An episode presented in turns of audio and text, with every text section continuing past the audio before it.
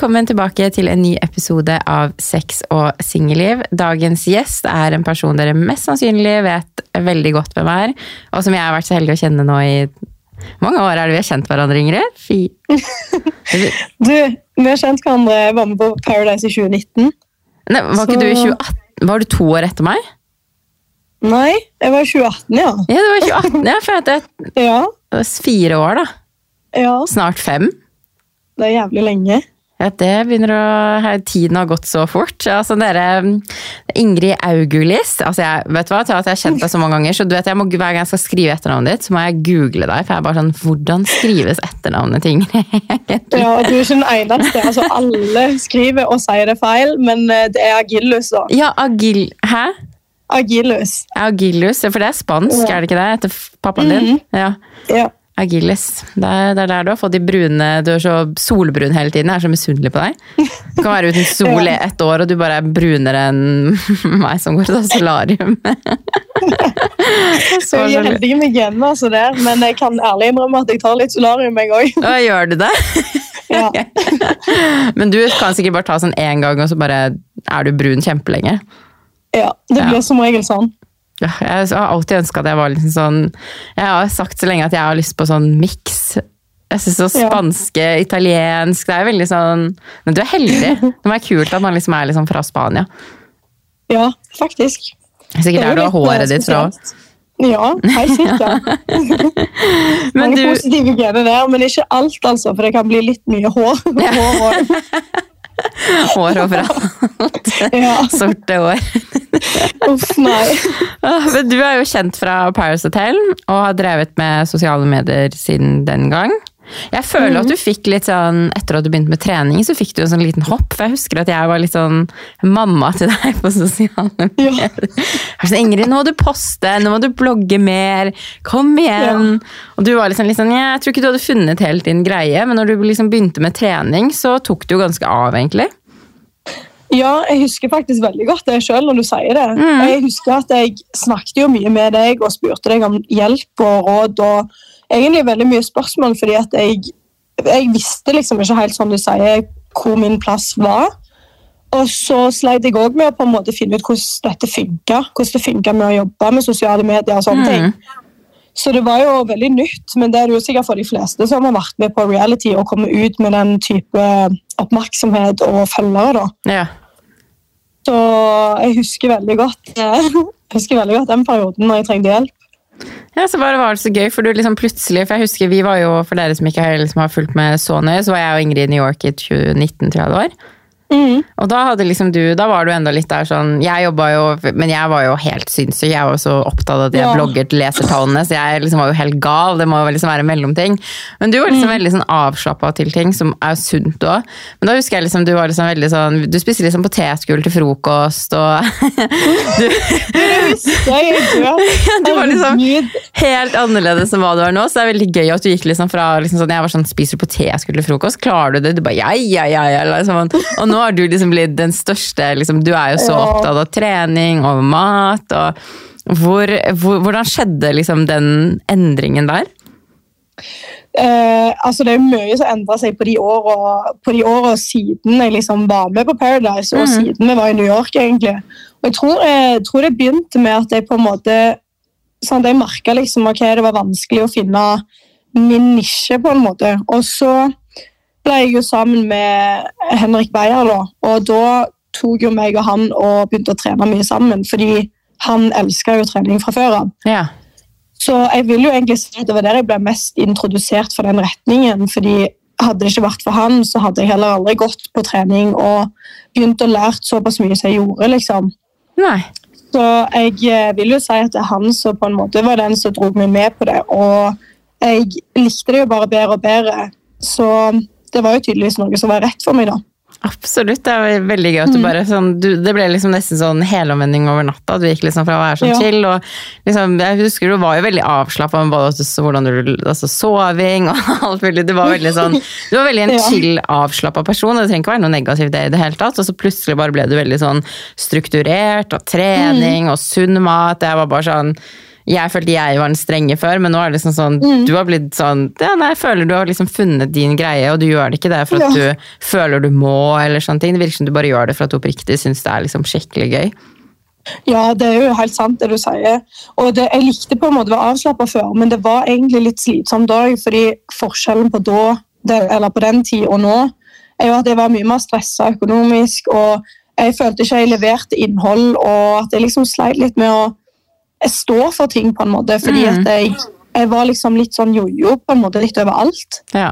Um, så når på en måte trening ble noe som virkelig var noe jeg satte pris på, og så, så jeg brant for det, så merka jeg jo at det var mye lettere òg å jobbe mer strukturert og ha rutiner på ting og sånn på det. da.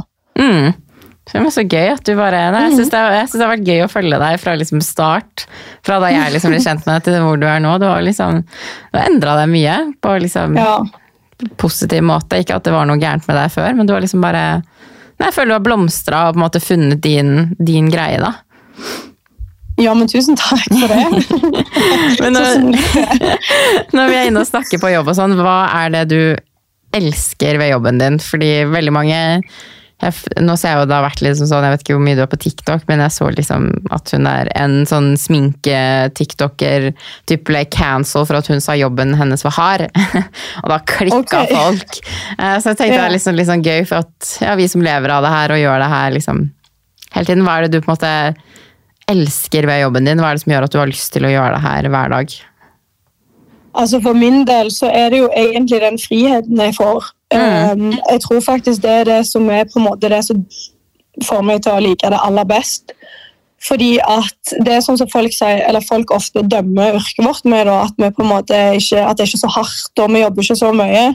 Men hele livet vårt er jo på en måte jobben vår. Mm. Så uansett hvor vi går eller hva vi gjør, så har vi på en måte jobben i bakhodet. Og du skal jo levere, og du skal jo lage content hele tida. Mm. Så jeg føler egentlig at den friheten jeg får, er kanskje det aller, aller beste. Fordi at da får jeg oppleve ting og liksom reise, trene hvor jeg vil. Så det er jo veldig positivt, bare det. Um, og så syns jeg jo òg at det er veldig kjekt å Ja, nei, jeg vet ikke. Jeg liker veldig godt den friheten. Mm.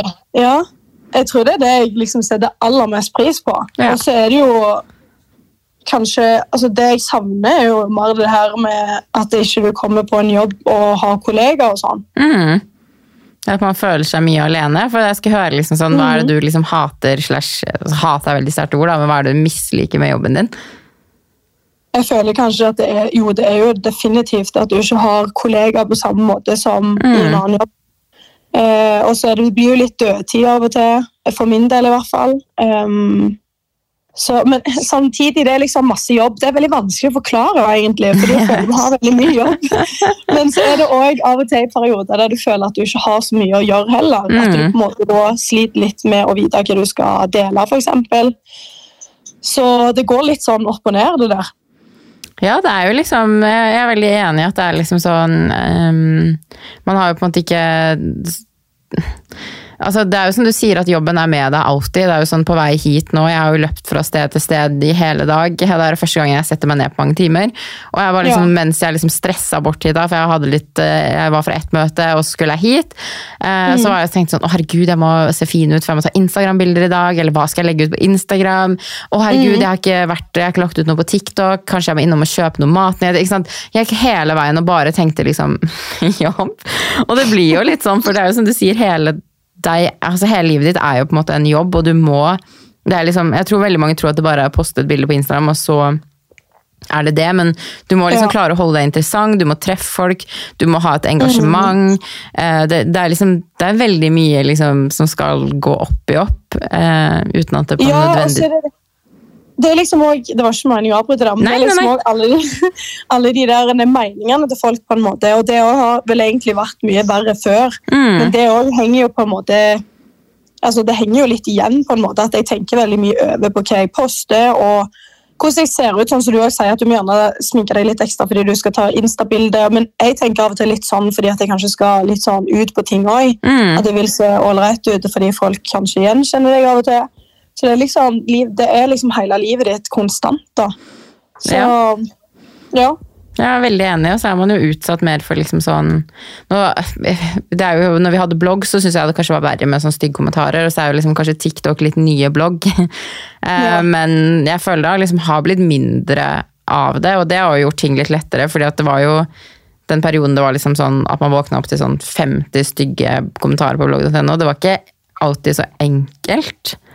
Nei, det var, helt, det var faktisk veldig vanskelig i den perioden. der. Mm. Det var veldig, folk var veldig drøye på bloggen. og. Ja, det var, det var skikkelig Ja, det toxic.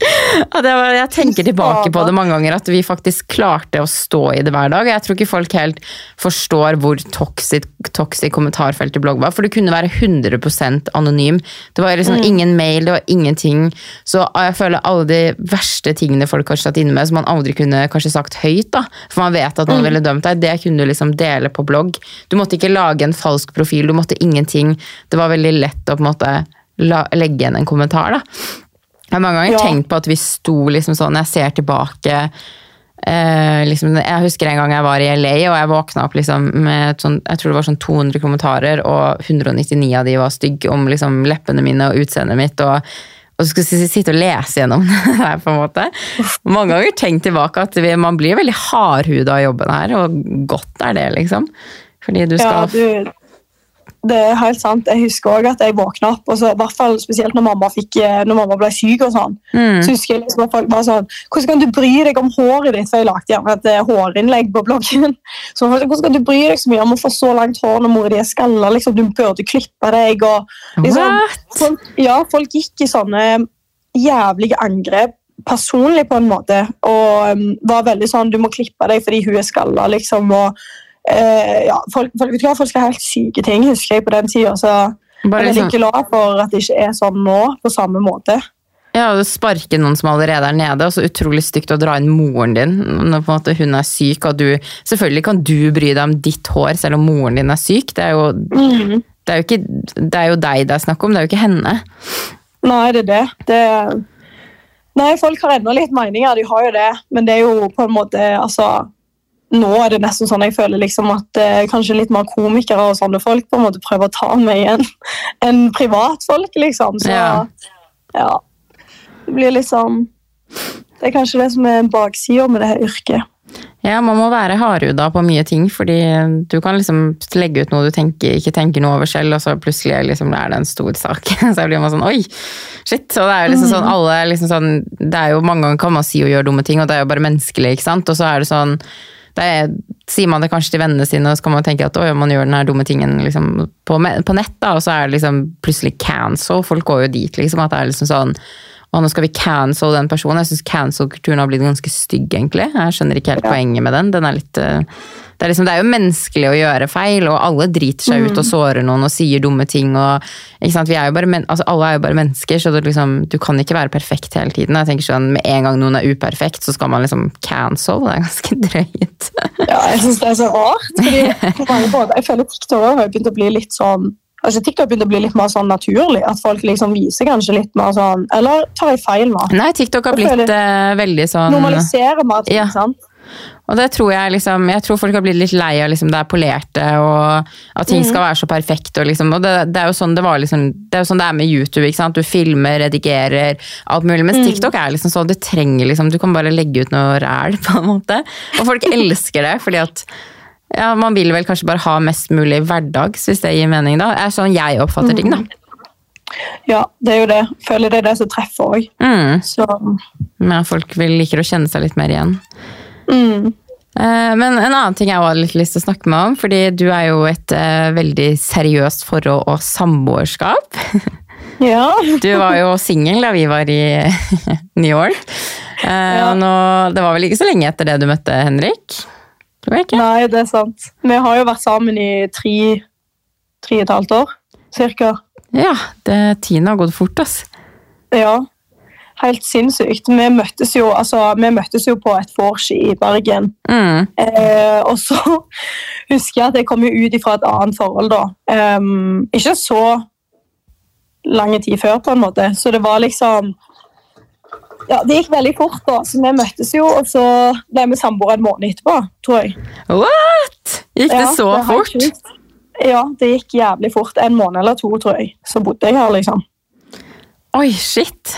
Mhm. Flytta du liksom fra Stavanger til Bergen på en måned? Ja. Um... At dere har fått det til å funke liksom så bra, da? Fordi at dere kjente jo egentlig ikke hverandre. Altså Man kjenner jo ikke et menneske etter én måned. Nei, jeg vet det. Det er helt sykt. Det var veldig Altså, yolo av deg.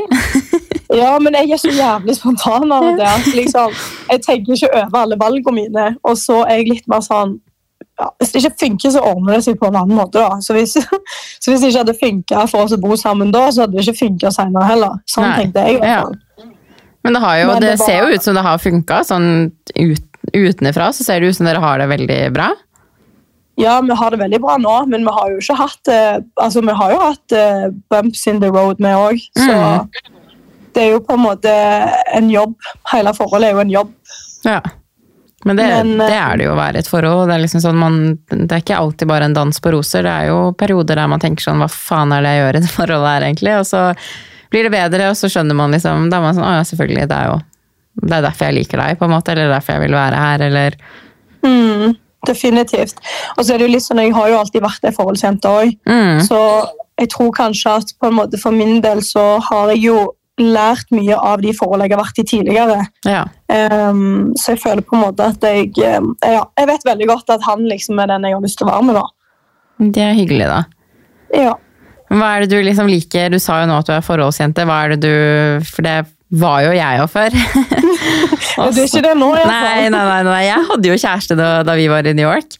Ja, Um, så vi har liksom bytta litt eh, livssituasjon, vil jeg si. Nå er jeg sånn Men jeg gikk jo liksom fra forhold til forhold, jeg òg. Følte liksom at jeg var forholdsjente. Og så var jeg sånn ok, nå må jeg bryte den sirkelen, for jeg er jo faen meg aldri alene. Um, Men hva er det du på en måte liker mest med å være i forhold? Hva er det som gjør at du føler at å, forhold er liksom min greie? det må, det må nok være det der med at du på en måte deler livet ditt med en annen. da. Altså, mm. Du er liksom aldri alene, og du får liksom trygghet i en annen person. ja.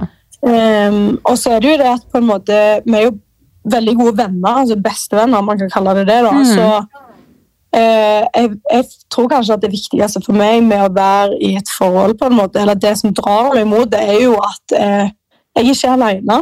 Det Nei. er veldig rart å si, men jeg Nei, tror nei, mange på en måte er i et forhold fordi at de kanskje er redde for å være alene. da. Mm. Um, men jeg er jo veldig glad i han, da, så jeg vil jo heller være med han enn å være alene. ja. Men eh, ja, det må jo være derfor, tenker jeg. Ja. ja, men det gir jo mening, og det er jo som du sier at det, jeg vet jo med meg selv òg, liksom, at et forhold var liksom trygt. på en måte. Du har jo, som du sier, at det er jo en person du er veldig glad i, og man ser jo på det som bestevenn sin, og så har man liksom en Jeg føler liksom en kjæreste, da, så ringer man for sånn tullete ting. sånn jeg kunne liksom ringe kjæresten min sånn åh, det var en mann som så stygt meg på bussen i dag. og liksom, skjønner du hva jeg mener? Ja. At det er liksom sånn, Man deler alt, mens jeg, Du blir veldig avhengig, sant? Ja. og så er det jo det er jo den du på en måte deler alt med, som mm. regel. Sant? Så den personen er jo din støtte gjennom tykt og tynt. Eh, og det gjør jo at du på en måte blir veldig trygg på den personen. Så ja. Ja, nei, det blir noe liksom sånn, Jeg merker jo at jeg deler mindre nå som jeg ikke har kjæreste. for at liksom, som jeg sier, i hvert fall Når man bor sammen, så er det liksom, du bare deler alt. på en måte. Og det er sånn, Alt som har irritert deg. hvis det er noe, liksom, jeg, bare, jeg merker at jeg liksom jeg ringer jo fortsatt selvfølgelig vennene mine hvis det er noe, men jeg kunne sikkert ringt ekskjæresten min for at den stirra stygt på meg på bussen. og bare sånn, Hvis jeg ble oppgitt og det sånn, ah faen, jeg stirra stygt meg på bussen. Jeg husker jeg ble så sur på frisøren min en gang på grunn av eh, Det her var ikke der jeg går nå, da, men et annet sted. Hun, vi krangla om en hårfarge.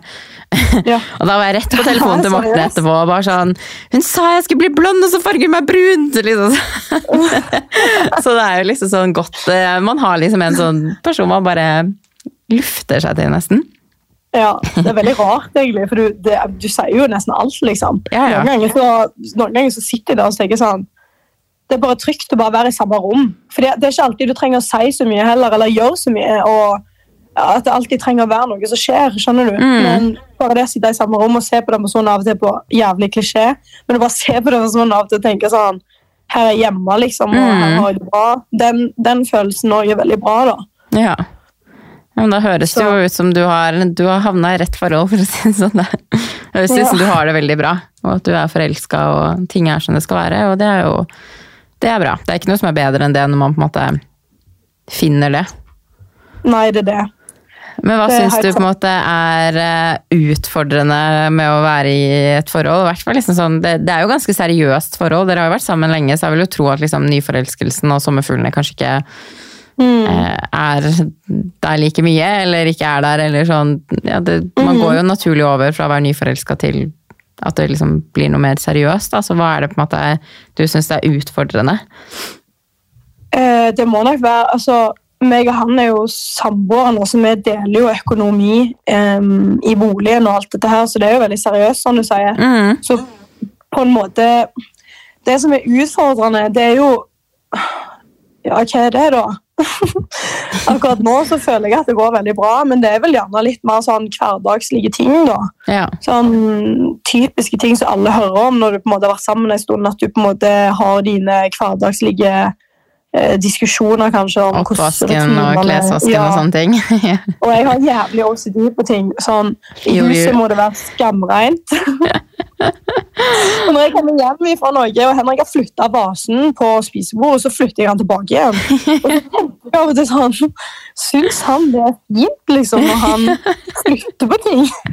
Ser helt jævlig ut. Så det er mye sånne ting, da. Jeg kjenner meg igjen. Så Ja, sånn du gjør.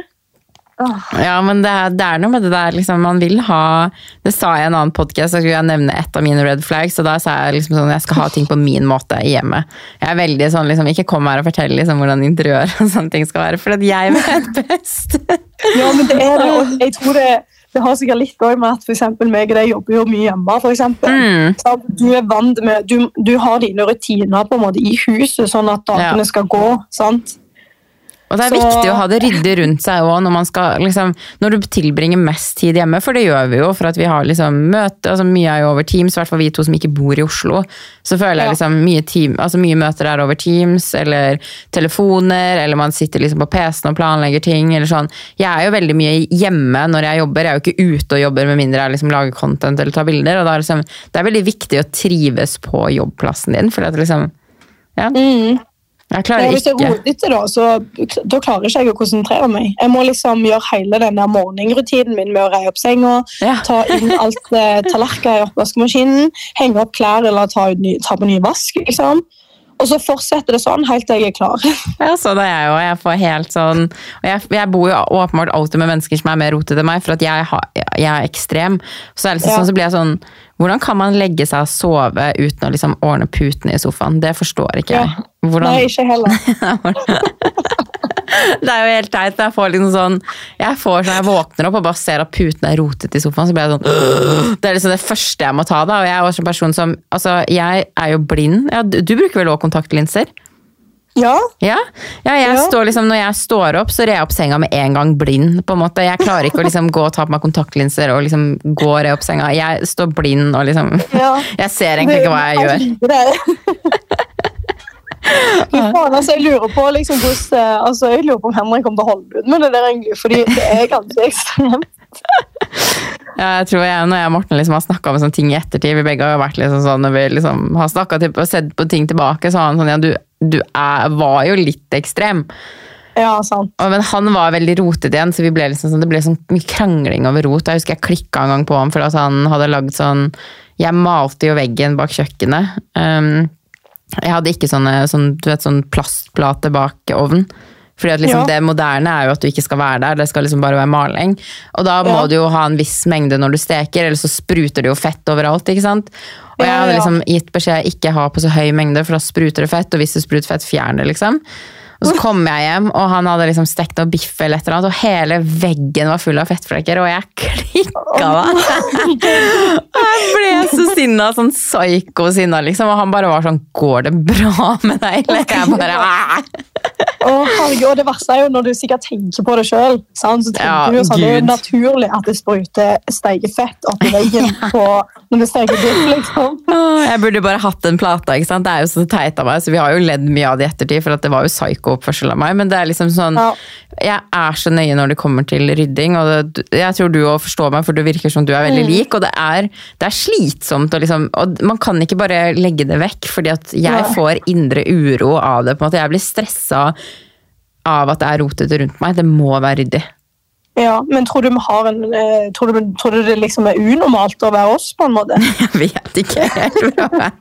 altså, jeg tror jo vi er det ekstreme, men jeg kjenner jo liksom flere sånn som, som er det. på en måte. Jeg var på besøk hos en og vi hadde møte, og så sølte jeg litt sånn For jeg hadde kjøpt sånn smoothie med sånn granola på.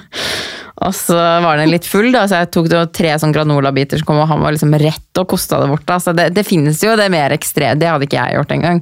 Så jeg tror vi liksom, det er nok mer ekstremt enn oss, og så er det oss, og så er det de som tenker sånn å herregud, for dere er slitsomme.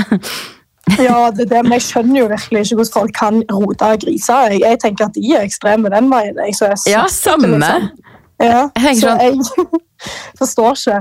Kan du ikke bare legge liksom Folk som legger ting i vasken istedenfor oppvaskmaskinen når det er skittent i oppvaskmaskinen. Sånn, Hvorfor legger du det i vasken? Hvorfor åpner du ikke oppvaskmaskinen og putter det inn der? Eller folk som slenger liksom, klær på gulvet når det er en kurv til skittentøy, liksom. Så blir jeg bare sånn Eller hvis du lager mat og bruker hele kjøkkenbenken, og så vasker de ikke over, liksom. Åh. Det bare tørker inn stivna eggehviter på benken. Æsj. Så må du liksom skrubbe det av, liksom. Jeg, jeg skjønner ikke at det er jo mer jobb, det.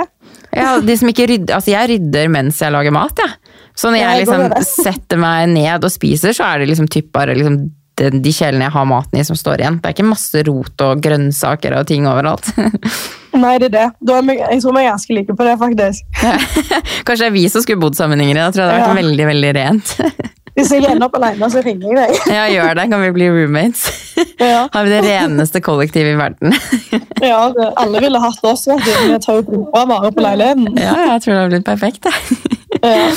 Men uh, over til uh, noe litt mer Eller ikke litt mer alvorlig, over til noe mer alvorlig. Um, mm. Jeg har jo hatt lyst til å prate med deg lenge, fordi vi har jo på en måte noe like opplevelser, men samtidig veldig ulikt. Men du mista jo moren din til eggstokkreft dette året. Det var vel i januar? Mm. Uh, og da hadde hun hatt kreft siden 2018. Mm. Ja. Um, så det var jo mange år, og du har jo på en måte jeg vil jo si at du på en måte har levd i et helvete i mange år. Det må ha vært Jeg har mange ganger liksom tenkt sett, For du har vært veldig åpen med det her på sosiale medier og delt liksom hele reisen.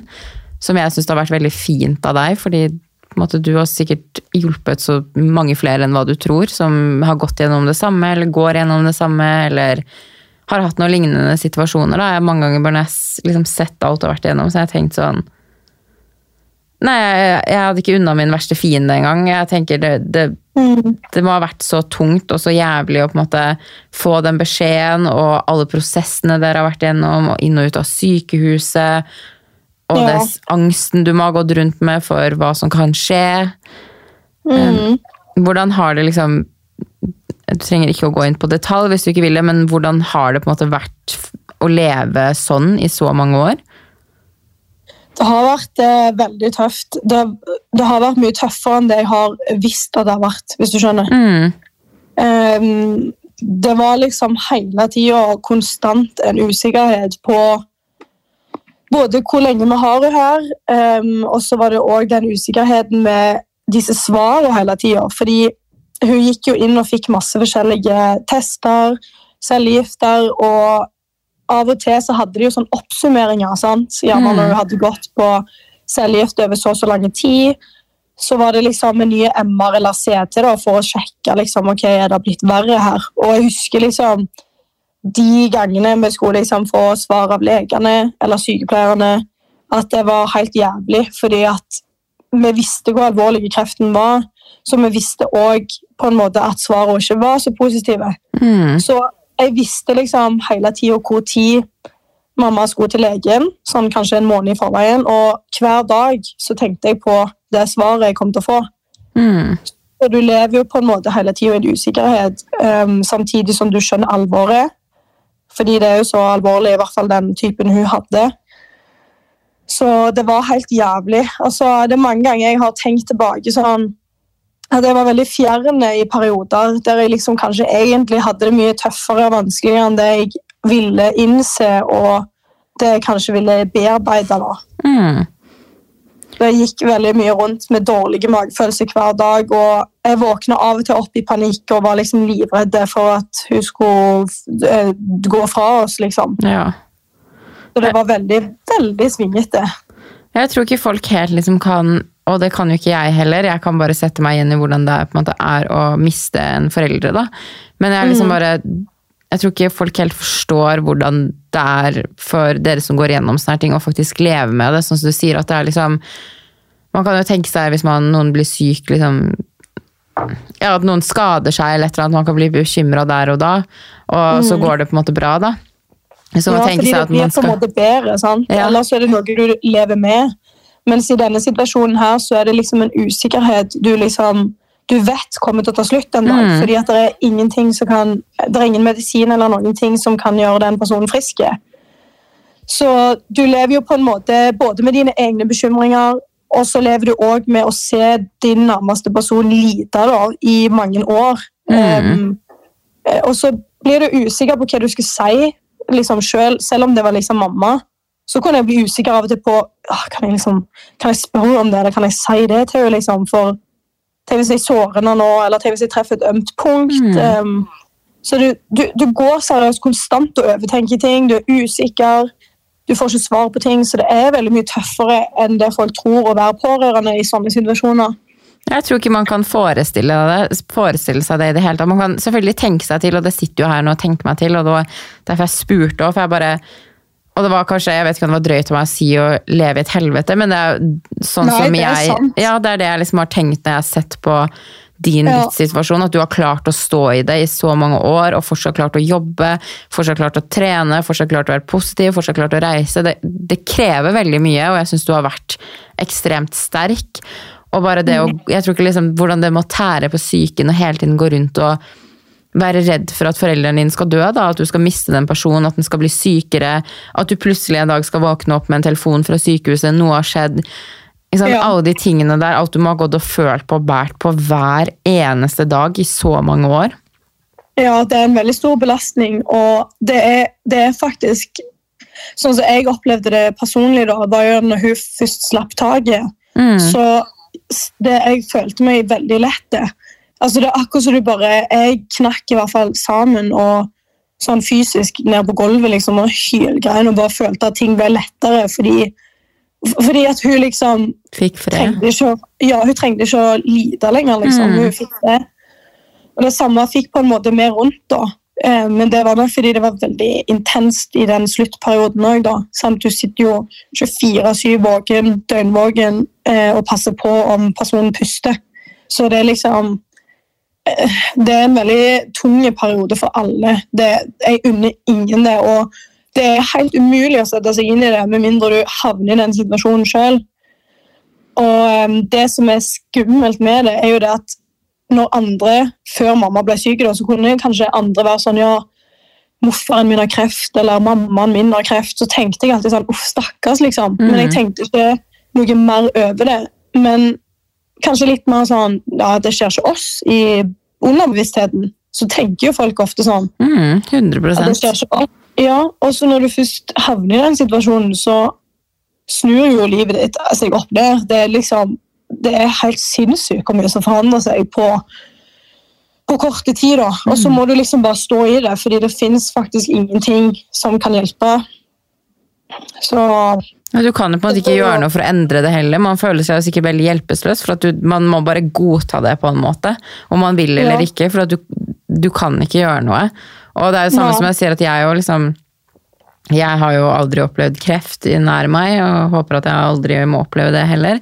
Eh, og jeg har mange ganger også, liksom, når folk har prata om kreft, så er det også, som du sier, det er en fjern tanke for meg at jeg tenker sånn så jævlig, altså så grusomt, så forferdelig det må være, og stakkars, men man klarer liksom ikke helt å uh, sette seg inn i det, men samtidig så, liksom sånn, jeg har bare mange ganger som jeg sier, tenkt når jeg har liksom sett på livet ditt, og hvor mange år det her har vært, og ting du har delt, at jeg har bare tenkt sånn, fy faen så sterk Ingrid er, som klarer å stå i det her dag etter dag, med det stresset, og at du bare har klart å leve normalt. Jeg tror liksom ikke folk helt skjønner hvor mye det faktisk har krevd av deg. Da. At du har, ja, at du har klart å måte, ha noenlunde normalt liv til tross hvordan det faktisk har vært i så mange år. ja, jeg, akkurat det så akkurat det du sier der, er jeg veldig stolt over sjøl òg. Fordi at eh, jeg har mange ganger sittet liksom, for meg sjøl og tenkt Er det normalt, liksom? Er det sånn at jeg skal klare liksom, å trene og jobbe og gjøre de tingene, eller skal jeg legge meg ned på en måte og bare virkelig kjenne på det? Mm. Men så følte jeg på en måte at når jeg prøvde liksom å virkelig kjenne på det og ikke gjøre rutinene mine, så ble det verre. Ja. Fordi at jeg, jeg visste at liksom, livet mitt kan ikke være sånn at jeg skal slutte å gjøre alt av det, hvis du skjønner. Mm. Så for at jeg skulle ha det bedre og komme meg gjennom den sorgen, så måtte jeg ha rutinene mine. og det er klart det var mange ganger jeg grein der ikke sosiale medier har sett det, men jeg prøvde på en måte å vise litt, i hvert fall, um, hvordan det var å prøve å dele litt tankene, og hvordan skummelt av og til var, eller hvilken situasjon vi var i. Men det var jo mange ganger der jeg bare grein for meg sjøl i dusjen eller eh, på kveldene når jeg la meg. Så det er jo mange ting på en måte også som ikke ble delt, da. Um, som Henrik spesielt har gått gjennom med meg. da, sant? Han har jo um, han, han, var jo der for meg hver kveld på en måte når, jeg, når det sto på det verste. Så det, var, det har vært veldig intenst, da. Men uh, alle kommer seg jo gjennom sånne ting på et eller annet vis, utrolig nok, da. Ja, man tenker jo liksom sånn Det husker jeg jo før jeg opplevde noe vondt i mitt liv, da. Så man tenker Ja. jo liksom sånn Nei, det hadde jeg aldri klart. Men så er det liksom bare sånn Man klarer det, som du sier, på et eller annet, et eller annet vis. bare Man bare må få det til å funke. Um, og du er jo aldri lett, men det blir på en måte litt lettere. Og det var det jeg liksom ville høre litt med deg om hvordan måte, tiden etter det her har vært. da. Mm. Det har vært eh, Du òg vet jo hvordan det er å miste en foreldre, så det er jo, det er jo altså for, for min del da, så var det veldig lettende. Altså, det var godt at hun fikk fred. Fordi at eh, å se hun i slutten var veldig traumatisk, nesten, fordi at det var så ekstremt. Eh, der hun liksom eh, spydde hvert femte minutt. Og det var mange sånne intense ting som du liksom absolutt ikke har lyst til å se skje med dine nærmeste.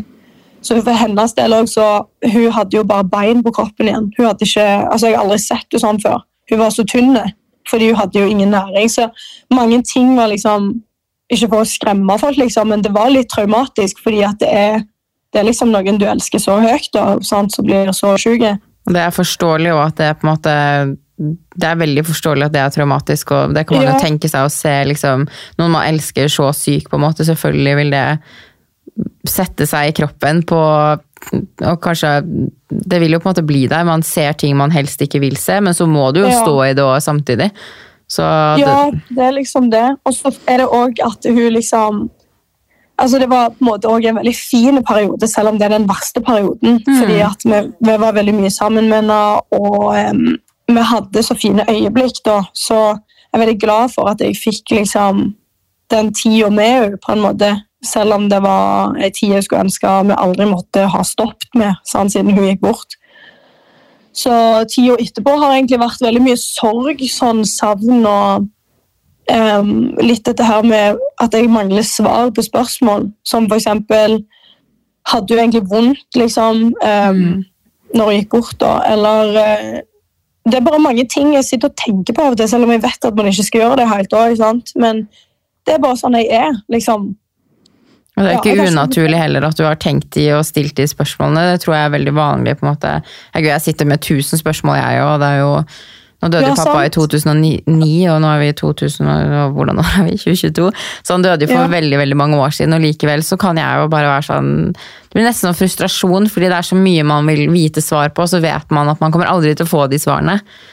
Um, Ja, også, men har du noen gang kjent på det siden en forelder, at du føler egentlig at du har rett på svar?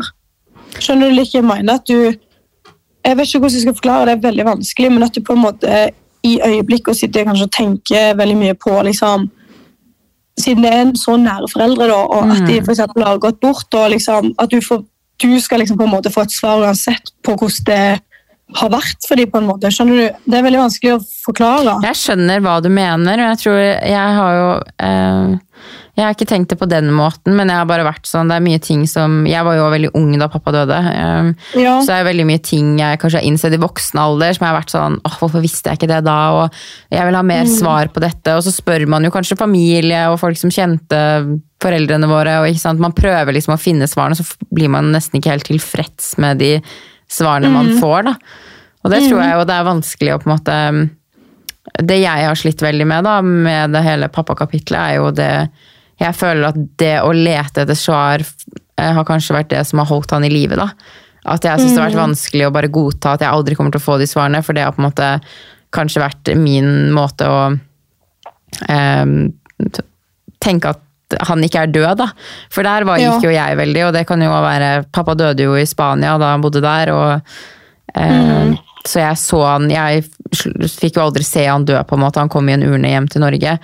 Um, og så for meg så har jeg ikke sett pappa dø, og da tror jeg også derfor at jeg på en måte, Jeg gikk jo i mange år og tenkte sånn Nei, nei, nei, han har stikket i en øde øy og uh, litt Ja, sånne ting. sant. Så jeg satt med mye spørsmål som jeg ikke ville gi slipp på, fordi at jeg ikke ville innse at jeg aldri kom til å få de svarene, fordi at han kommer aldri til å være her igjen. Han kan ikke på noen tidspunkt gi meg de svarene, for han er på en måte borte for alltid.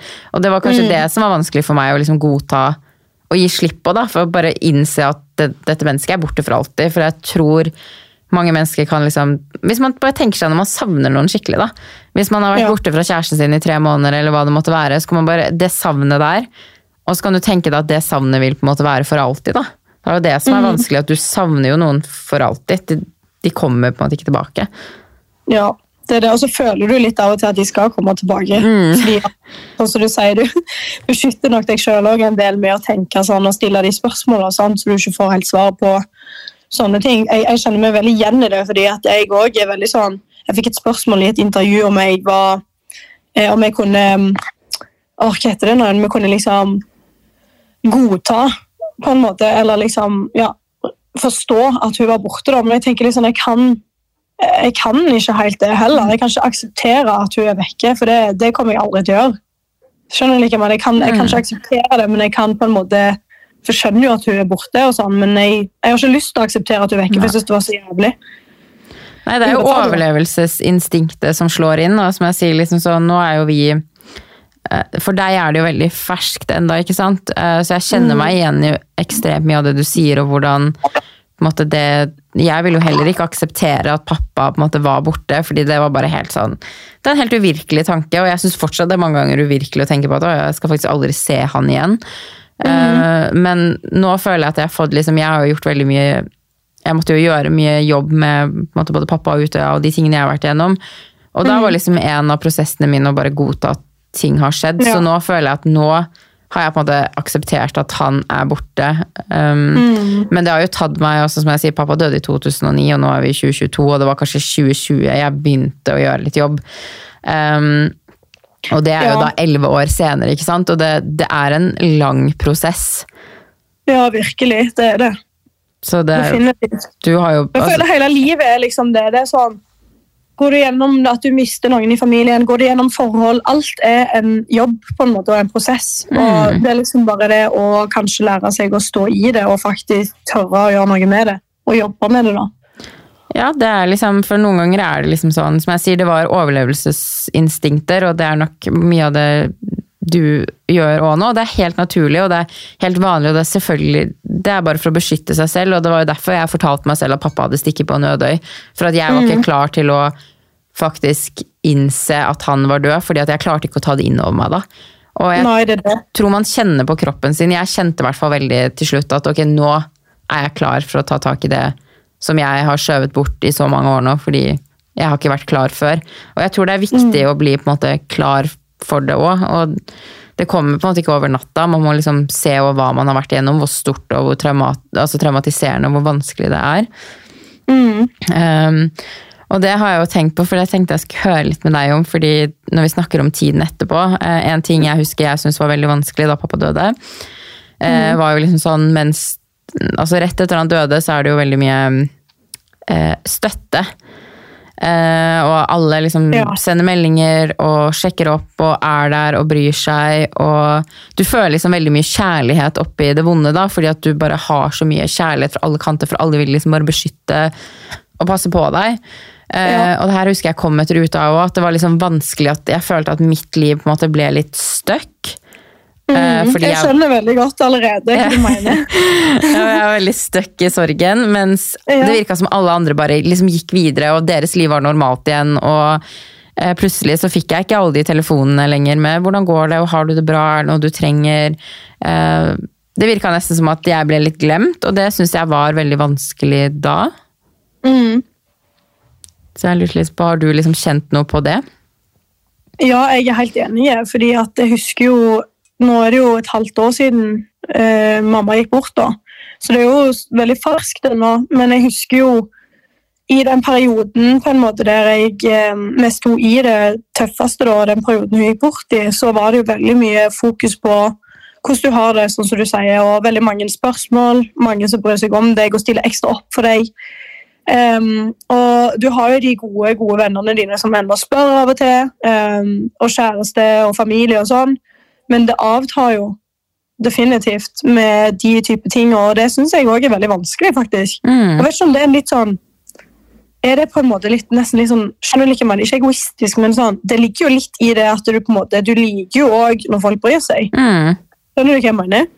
Jeg skjønner veldig godt hva du mener, men jeg tror det bare liksom er sånn For man tenker liksom sånn Det, det, det tar jeg meg selv i, selv om jeg har vært gjennom akkurat Eller ikke akkurat det samme, men det å miste en forelder eller Jeg har jo vært gjennom ting, jeg òg.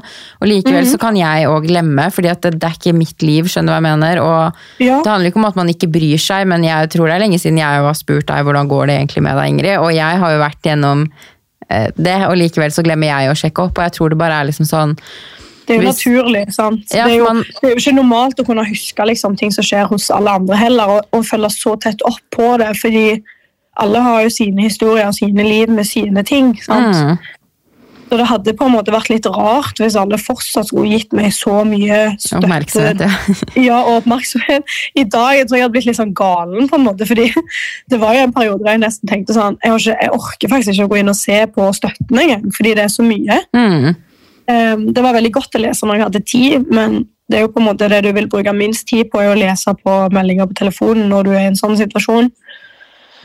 Så Ja, men Det er sånn rar balansegang, det der. For det, som du sier, det hadde Hvis alle skulle brydd seg like mye et halvt år senere, så hadde det kanskje blitt litt mye at du ble påminnet det hele tiden. Men ja. Jeg vet ikke hvordan jeg skal forklare det, men jeg hører at du skjønner det. Men det er liksom litt det der at man går fra ekstremt mye støtte til at det plutselig Ja. bare pum, over natten. Og Og så står du mye med det sjøl. Ja. Det var en gang jeg var veldig lei meg her. Og så husker jeg Henrik var sånn, så han var bare støttende og skulle være snill med meg. sant? Og var sånn, jo, men Vi bestiller noe mat, liksom, og så finner vi på noe. Så husker jeg at jeg ble jævlig sur. Så var jeg sånn Men hvordan kan du være sånn? Har du bare gått videre? du? Har du bare glemt det? Sant? For da var jeg nedenfor og lei meg. Men liksom, han brydde seg jo like mye, men han ville jo på en måte bare muntre meg opp til å Mm. gjerne gjøre noe annet. sant? Så jeg husker, jeg har kjent på den følelsen veldig mange ganger. ja. Det er veldig rart. ja, men samtidig ikke. Jeg tror det bare er en litt sånn sånn For det, det husker jeg bare i tiden etter at det var en ting jeg kjente veldig på, og det var liksom vanskelig, og man følte liksom sånn Eh, Man følte liksom at eh, ikke sant, Hvis du hadde begynt å gråte si en måned etter mammaen din døde, så folk var sånn, ja, ikke med er for at mammaen hennes døde nylig. Men hvis du hadde begynt å gråte nå, så folk var sånn, hva griner hun for? Hva, hva skjedde, liksom? At Ja. det er liksom sånn, Jeg vet ikke helt hvordan jeg skal forklare det, men det er veldig rart å gå liksom Den er veldig tøff, den der. Eh, fordi at når du står i sorg med en gang det har skjedd jeg synes kanskje ikke at Det var jo selvfølgelig kjempetungt med begravelse og med en gang altså når man fikk telefon om at han var død, alle de tingene der.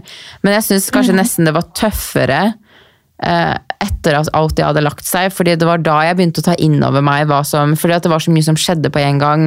Det var så mye inntrykk at jeg tror ikke helt jeg skjønte alt. Så det var liksom i tiden etterpå, når han på en måte altså når begravelsen var over og det var da jeg på en måte følte at jeg ble sittende veldig igjen med tanker og følelser, og så visste jeg ikke helt hvem jeg skulle gå til, for man føler seg nesten litt sånn til bry, at man er sånn, åh, det er hun som har mistet pappaen sin, som skal ringe og liksom klage over det igjen. Jeg vet ikke hvordan jeg skal forklare det, men at det blir liksom det er litt sånn. veldig vanskelig. Det, det er skikkelig vanskelig balanse, og jeg forstår deg. Og jeg er ganske sikker på at andre som har gått igjennom det å miste en foreldre, da, eller en annen nær person, da, kan Mm. kjenne seg igjen. fordi det er veldig vanskelig å forklare, men den overgangen som du sier, den er egentlig veldig stor òg. Mm, du merker veldig godt når den kommer, på en måte, fordi det skjer det skjer litt brått, på en måte, fordi Ja. alle er veldig der en periode, og så bare ei uke etterpå eller et eller annet sånt, så bare begynner det å avta. sant? mm. Litt kraftig, på en måte. Ja, det er veldig, Men, det er nesten som at man blir ghosta. Ja, Og Altså, så vil jeg ikke være den personen som på en måte er sånn Uff, nå ringer hun, liksom, eller nå er hun sånn, og griner hun pga. det. sant? Jeg har jo av og til vært redd for at folk skal tenke sånn hun, Griner hun liksom for det nå, på en måte? Eller er det Mm. noe annet? Skylder hun på det? sant? Altså, Det er så mange forskjellige ting da, som man kan være lei seg for, naturligvis.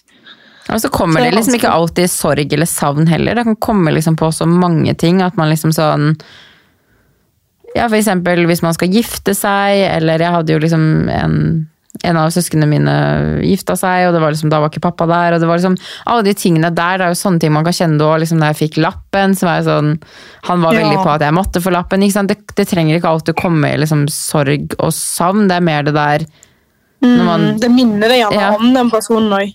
Og man skjønner liksom sånn Det her er en ting han skulle deltatt i livet mitt, og han får det ikke med seg. Det, det, Ja. nei, det er mye som er liksom vanskelig rundt det å miste noen. Som man, jeg kunne aldri forestilt meg alle de tingene her før det på en måte skjedde med meg. Da. Det er veldig vanskelig å liksom forstå hvordan kroppen reagerer, hvordan, tid, hvordan ting er i ettertid, og hvor, hvordan det kan hjemsøke deg med liksom sånn For eksempel da jeg fikk lappen, skulle det være happy, men så ble jeg lei meg fordi at Ja. jeg ikke kunne dele med han. da. Ja, det er jeg helt enig i. Det er veldig, jeg merker det selv også, sånn, Hvis noe positivt skjer i livet mitt, noe som jeg burde feire eller virkelig være glad for, så er det alltid noe altså, For min del så er det det ennå, da, at det på en måte alltid er noe som mangler. da, Eller det er noe som gjør meg lei meg når sånne ting skjer. Mm. Det, er jo, det, det er jo 100 fordi at jeg pleide alltid å dele sånne ting med mamma. Fordi hun, hun brydde seg så mye om mitt liv og hva jeg gjorde. og eh, liksom Hun var veldig involvert, da, så for min del så var det veldig naturlig å ringe hun og fortelle om de positive tingene. Men når det ikke skjer, når jeg ikke kan ringe hun da, så blir det på en måte en sorg, det òg. Så det er. Jeg husker jo det når vi var i New York, og dere prata jo nesten på telefon hver eneste dag. Ja. Og Vi var jo veldig liksom, engasjert på ting vi delte og la ut. og Hun var veldig Ja. til stede. Hun synes, jeg tror hun syntes det var veldig gøy at du liksom gjorde det du gjorde. og Jeg tror hun levde litt gjennom meg, fordi Mm. hun sa liksom alltid sjøl sånn at folk var veldig dømmende, f.eks. når hun var med på Paradise. og sånn, At liksom folk kunne komme bort til deg og være sånn Gud, hva syns du om at datteren din er med på Paradise? Så husker jeg at mamma alltid var sånn Hadde jeg vært på din alder, Ingrid, så hadde jeg jo mest sannsynlig gjort- det samme. Ja. Så det, det er liksom litt sånn, ja. Og jeg er veldig flink til å få meg til å liksom pushe meg utenfor komfortsonen. da. For jeg er jo egentlig personen som liker å holde meg litt i, i komfortsonen. Men Mm. eh, jeg har blitt litt bedre på det nå uten hun da. At jeg pusher meg sjøl. ja. ja. Men hva syns du på at Jeg vet ikke, det her kanskje høres ut som et rart eh, spørsmål, eh, men jeg bare, når jeg har skrevet liksom, notater der, så har jeg tenkt liksom, mye på meg selv. da.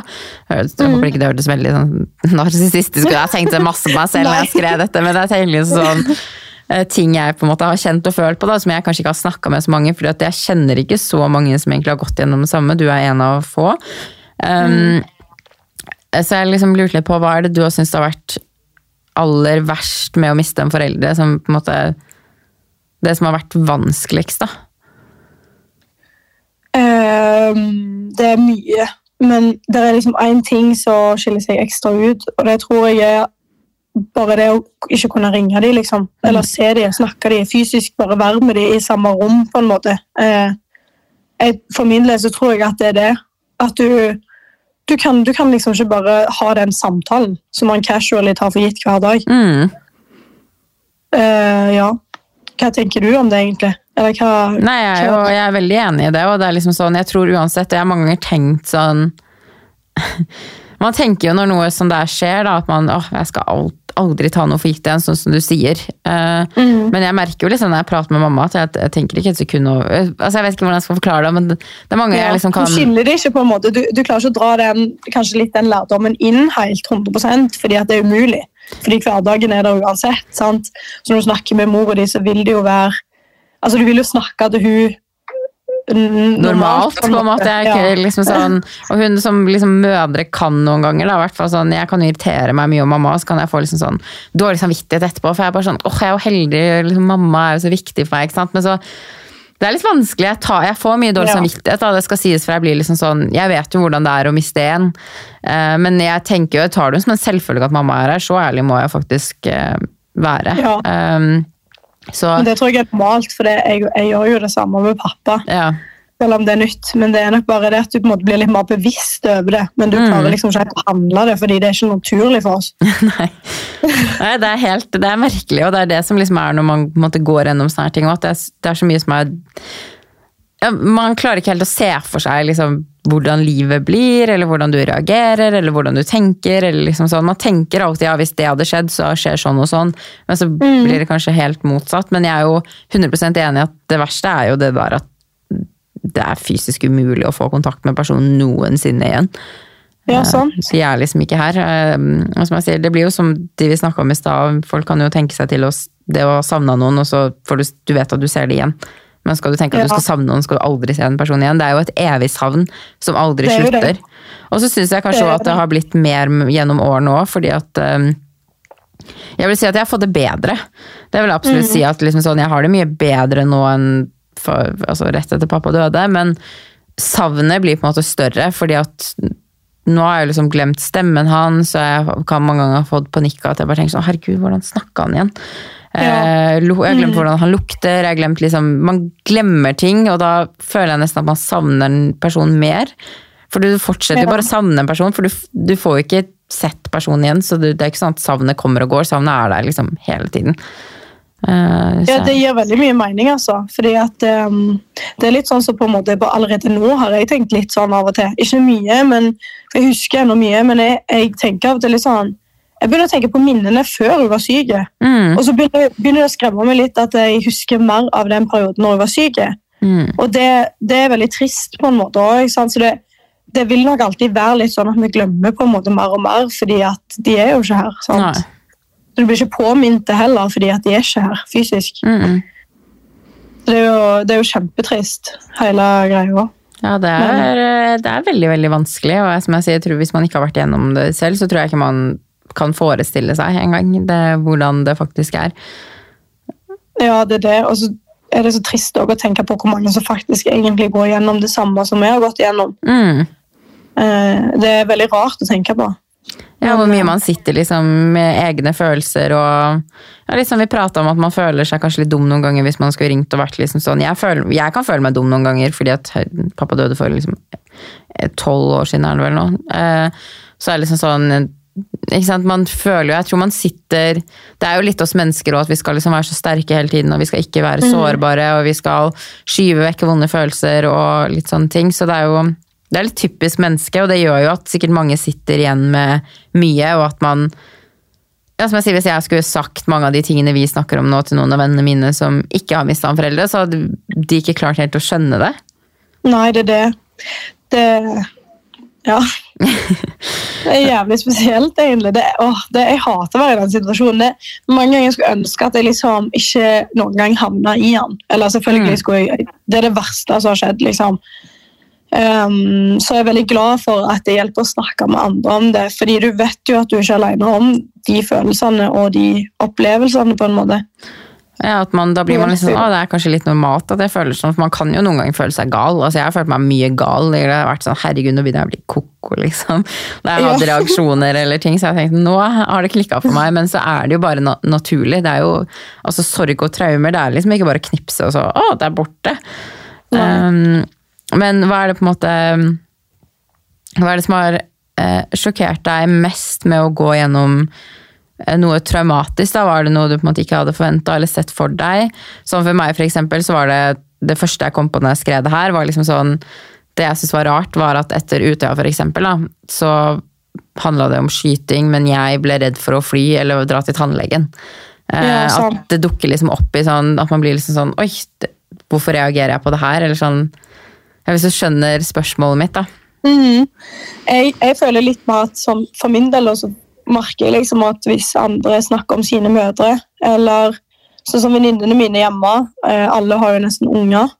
Oi. Eh, eh, så liksom når jeg kommer hjem der og er med de, eh, så er det alltid godt, selvfølgelig, for det er jo mine nærmeste venninner. Men ehm, du ser på en måte at Eller du hører og ser at de er med sine mødre. Så jeg sitter veldig mye igjen med sånn tanke om at det kommer liksom aldri til å skje meg på en måte i framtida. Eller at jeg ikke bare kan ta opp telefonen og ringe til henne når ei annen venninne ringer til mora si.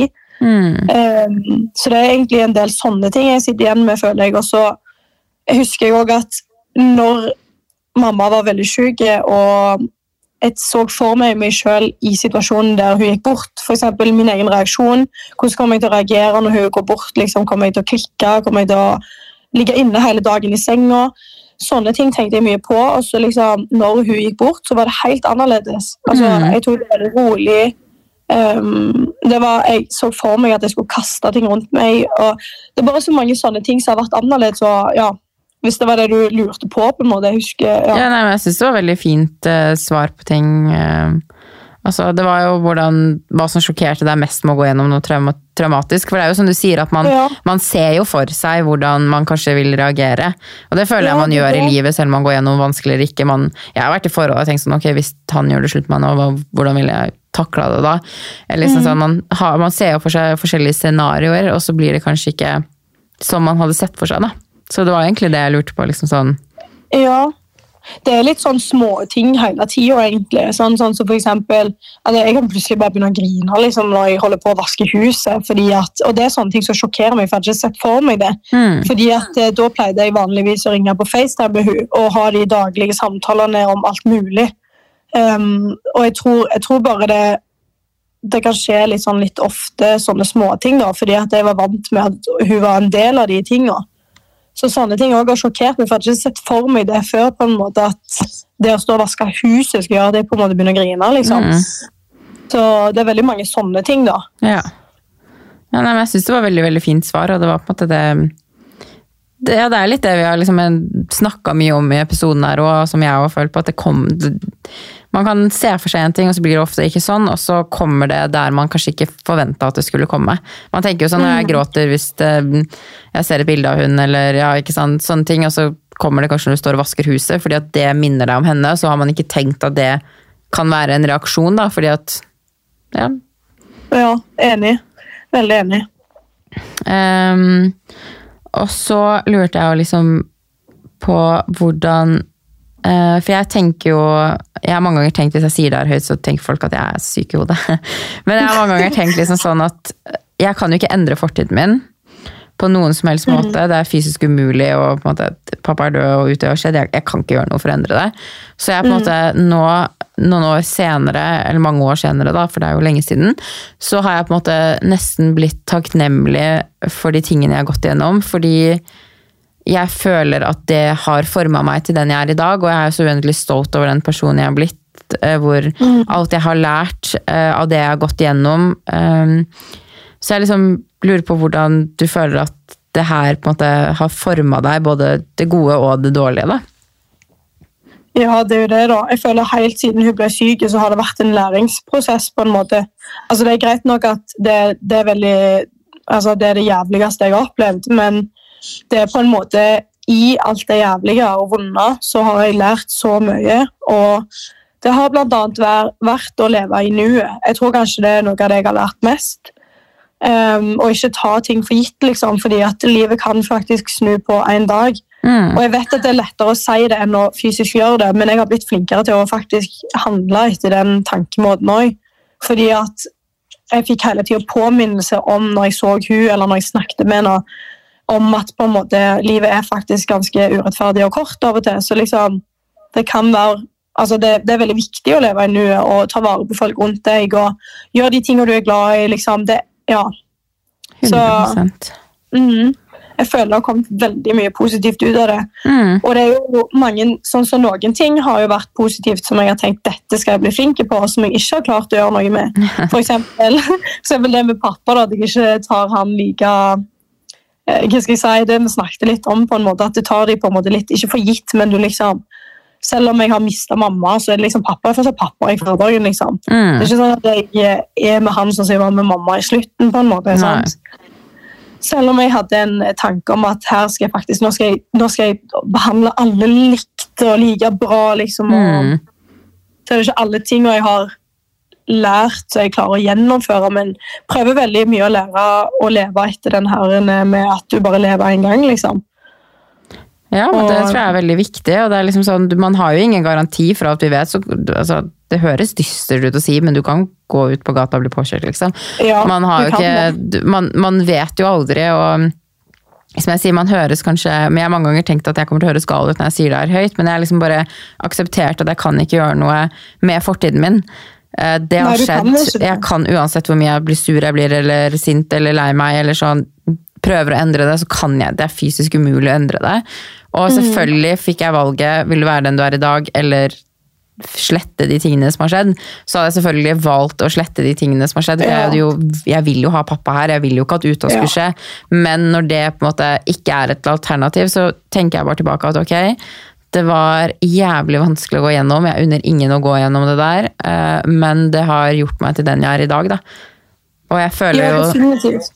Når man går gjennom noe vanskelig og vondt, det er jo da man på en måte lærer, og det er da du får utfordringer, og det er da du utvikler deg som menneske. Jeg merker jo når jeg liksom har det skikkelig bra og svever på min rosa sky og livet er perfekt, så lærer jeg jo ingenting, jeg bare har det bra. Men når jeg er nede på bakken igjen, det er da jeg på en måte lærer ting og fortsetter å utvikle meg, og så kommer jeg opp på rosa skyen min igjen, og så er det ned igjen, på en måte. Og det er liksom Ja. litt sånn livet er, da.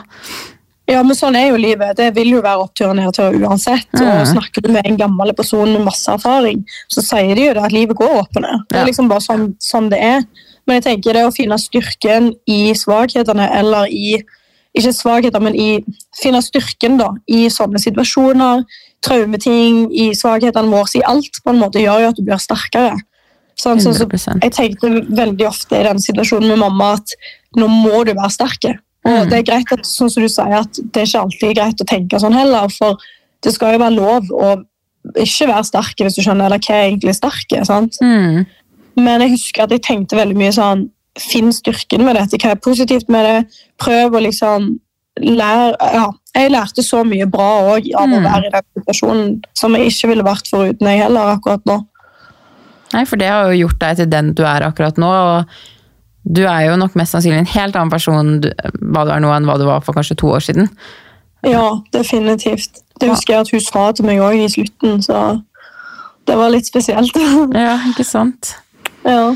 Ja, nei, det, det er når ting er vanskelig at man lærer, og hvis man klarer på en måte å eh, finne, som du sier, styrke i, i svakhetene, eller styrke når det er på en måte man tror at man ikke har noe å gi, og man klarer å kjempe seg gjennom det, så blir det på en måte bedre på en eller annen rar måte. Det går seg liksom til, selv om man tror at det aldri kommer til å gå seg til. Jeg tenkte jo, jeg tenkte jo aldri at livet mitt kom til å bli normalt igjen etter Ruta og etter pappa, jeg tenkte sånn, fytti rakkeren, er sånn her livet mitt skal være for resten av livet. Og så tar man liksom ett steg av gangen, og så blir det på en måte, det bare går seg til på en, på en eller annen måte. Ja, det gjør det. Og det er egentlig, det er egentlig veldig bra òg. Ja. Jeg vet ikke hvordan det hadde vært hvis det ikke gjorde det. Nei, hvis man alltid skulle hatt det sånn som man hadde det rett etterpå, det hadde vært, uh... Ja, Det hadde vært helt for, det hadde ikke vært noe bra. det hadde ikke vært et liv. Nei. Men sånn avslutningsvis, um, hva vil du si til de som på en måte går gjennom det samme, eller har gått gjennom det samme? Har du noe på en måte eh, Hvis du tenker sånn, hva hadde du trengt å høre, da? Åh, jeg syns det er så vanskelig med sånne spørsmål, fordi det er så mange ting jeg sikkert hadde trengt å høre. Men um, jeg tror kanskje det viktigste for meg er litt den jeg lever etter nå, det der med å sånn leve i nuet. fordi hvis du klarer på en måte å prøve å gjøre det i en sånn situasjon med at noen nært deg har kreft eller er døende eller har det veldig vanskelig, da, så føler jeg at du, da klarer du på en måte å leve ditt liv også litt, og så klarer du å være der med de og støtte de og bruke tid på det liksom, og sørge. Altså, du, bare, du må bare være til stede og ta dag for dag. For når jeg på en måte har prøvd å tenke langt fram sånn åh, Tenk hvis du dør nå, liksom. Altså bare sånn, Sånne naturlige tanker som faller inn, da, så har jeg hatt det veldig vanskelig. Så jeg syns det har hjulpet å ta dag for dag, liksom. Og tenke positivt den dagen og prøve å gjøre det beste ut av det. Mm. Ja, men jeg syns det er veldig, veldig godt tips, det. Ja. Så, nei, men jeg syns du, du har delt masse, masse, masse fint i denne episoden her, og jeg er 100 sikker på at alt det du har sagt egentlig vil være til stor hjelp for mange som, som sier enten er i den situasjonen du har vært i, eller har mista noen, eller går gjennom noe vanskelig, så er det fortsatt veldig mange gode råd som jeg tror til vil være absolutt hjelp for mange. Og jeg syns det er veldig Ja. tøft av deg at du på en måte stiller opp og tør å snakke om det og klarer å stå i det, på en måte. Det hadde vært fullt forståelig hvis du ikke hadde klart det. Jo, men i like måte. Og det er liksom det jeg, har, jeg tror ikke jeg har hørt deg snakke. Du har, du har åpna deg opp litt i dag, du òg. ja, det har jeg faktisk. Jeg snakker jo aldri om sånne her ting i det hele tatt. Så, Det det. så vi begge har vel litt sånn psykologtime her. For oss Ja. begge. Jeg tror mange kan kjenne seg igjen i det. Ja, vi får håpe det. Men det, det tror jeg. Altså, jeg har tenkt gjennom masse av det du har sagt, og bare vært sånn shit, det var veldig, veldig bra sagt og bra forklart. Og, så nei, jeg synes det var en veldig, veldig fin episode, og tusen takk for at du hadde lyst til å gjeste. Jo, bare hyggelig. Det var, takk for at jeg fikk lov å gjeste. Ja, selvfølgelig. Det, jeg håper du kanskje vil eh, komme en gang senere òg. Ja, definitivt. Du Får ta bare det når du er i. Oslo, så vi slipper å ringes over telefonen. Kan vi sitte i studio? Ja, vi gjør det. Ok, nei, men tusen, tusen takk, Ingrid. Jo, vær så god. Ha det.